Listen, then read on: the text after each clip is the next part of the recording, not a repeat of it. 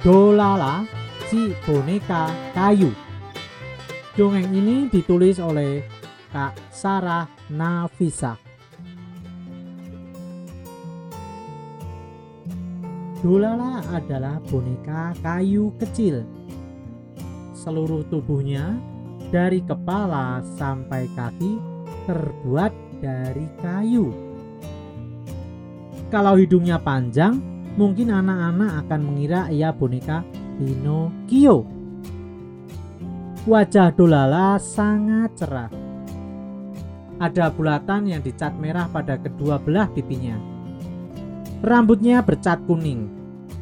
Ia tinggal di sebuah rak toko di tempat Pak Dam-Dam. Dolala sebetulnya sudah cukup lama tinggal di toko boneka itu.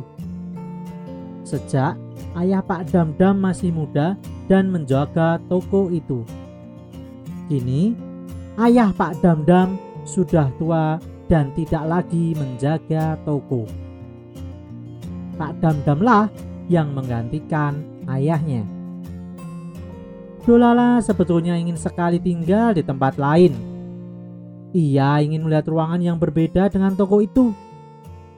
Walau toko itu nyaman, Dolala sudah bosan berada di sana. Ia juga ingin menjadi boneka yang berguna. Sayangnya, aku sudah sangat kuno Mana ada anak sekarang yang mau memiliki boneka kayu berambut kuning? Gumam Dolala sedih. Dolala sering mendengar ucapan anak-anak yang masuk ke toko itu. Saat merengek, biasanya mereka akan berkata pada ibu mereka seperti ini. Ibu-ibu, aku ingin beli boneka yang rambutnya seperti rambut betulan. Bisa aku sikat dan sisir setiap hari. Atau ada juga yang berkata seperti ini, Mama, belikan boneka cantik itu. Tubuhnya tinggi dan rambutnya pirang. Tetapi tak ada seorang anak pun yang menoleh ke arah Dolala, walau hanya sebentar. Mereka lebih menyukai boneka yang bentuknya seperti manusia sungguhan Dolala sangat sedih karena merasa terlupakan. Suatu hari, Pak Damda menggantung selai kartu kecil di tubuh Dolala. Di kartu itu ada tulisan Dijual Diskon 50% Semoga ada yang mau membeli Dolala kalau kujual dengan setengah harga Gumam Pak Damdam sambil memindahkan Dolala ke rak paling depan Kini Dolala ada di rak di dekat kaca jendela toko. Pastinya semakin banyak pembeli yang bisa melihat. Apalagi sinar mentari membuat cat di tubuhnya tampak semakin berkilau. Dolala merasa hangat dan bersemangat lagi. Apalagi tadi malam Pak Dam-Dam sudah membersihkannya dan menambah cat berkilat di seluruh tubuh kayu Dolala. Usaha Pak Damdam ternyata langsung ada hasilnya. Tak lama kemudian, datang seorang ibu yang tertarik pada Dolala. Ada label nama di baju seragamnya, Prita. Hmm, boneka kayu yang kuat. Aku memang perlu boneka yang seperti ini. Wah, harganya juga sangat murah. Ku mampu berita gembira. Ia lalu mengambil boneka itu dan memberikannya pada Pak Damdam di meja kasir. Pak Damdam memasukkan dolala di kantong kertas, bukan di dalam dus seperti boneka-boneka mahal di toko itu. Dolala menjadi iba pada dirinya sendiri. Ayahku dulu menamakan boneka ini Dolala. Dolala pasti senang karena bisa bertualang keluar dari toko ini karena dia sudah 25 tahun berada di sini. Kata Pak Damdam ketika menyerahkan Dolala pada Bu Prita. Ketika Bu Prita membawa Dolala keluar dari toko Pak Damdam, Dolala mulai cemas. Ia tidak yakin akan dibawa ke tempat yang menarik. Dolala merasa ngeri, membayangkan dirinya dibawa ke museum boneka. museum yang penuh dengan boneka-boneka kuno yang angker dan menakutkan. Beberapa saat kemudian, Dolala merasa diletakkan di atas meja. Lalu, tampak tangan Bu Prita masuk ke dalam kantong kertas dan mengeluarkan dolara dari dalam kantong. Akhirnya, Dolala bisa melihat ke sekeliling sekarang.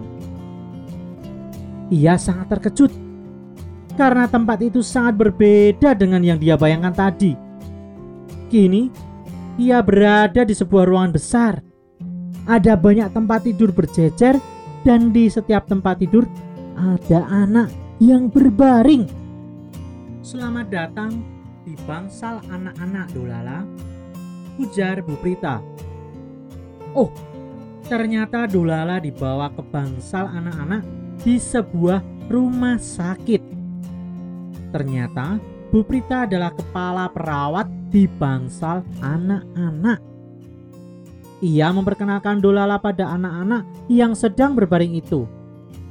Dolala jadi iba melihat anak-anak yang tampak lesu dan lemah itu.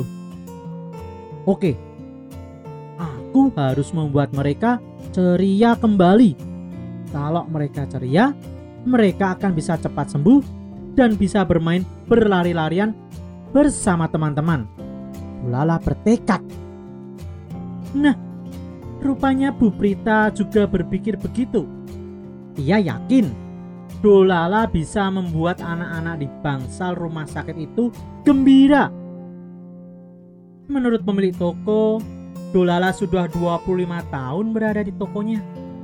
Nah, sekarang coba kalian ceritakan pada Dolala. Benda baru apa saja yang ada di sekitar kita?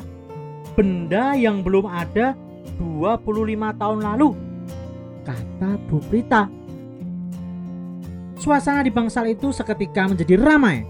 Anak-anak berebutan bercerita pada Dolala tentang buku cerita yang bisa mengeluarkan bunyi. Ada juga tentang mainan otopet yang memakai baterai sehingga tidak perlu digoes atau digenjot. Juga para pasien anak-anak perempuan bercerita tentang jajanan-jajanan baru seperti kue cubit warna-warni permen yang bisa meletup di dalam mulut atau coklat dengan berbagai macam rasa. Suara tawa terdengar di bangsal itu. Anak-anak itu suka melihat mata Dolala yang membelalak seperti kaget mendengar cerita mereka. Dolala juga sangat bahagia mendengar tawa gembira anak-anak itu. Dolala merasa beruntung tinggal di bangsal anak di rumah sakit itu. Setiap hari, ia punya teman baru karena setiap hari ada anak baru yang masuk ke bangsal itu. Beberapa anak yang sudah sembuh keluar dari rumah sakit. Anak-anak baru lalu datang. Dolala ingin menolong agar semua anak bisa sembuh. Di bangsal itu, Dolala merasa berguna dan penting. Ia merasa seperti seorang perawat dan Dolala berjanji ingin berbagi kepada teman-teman agar mereka diberi kesembuhan serta harapan.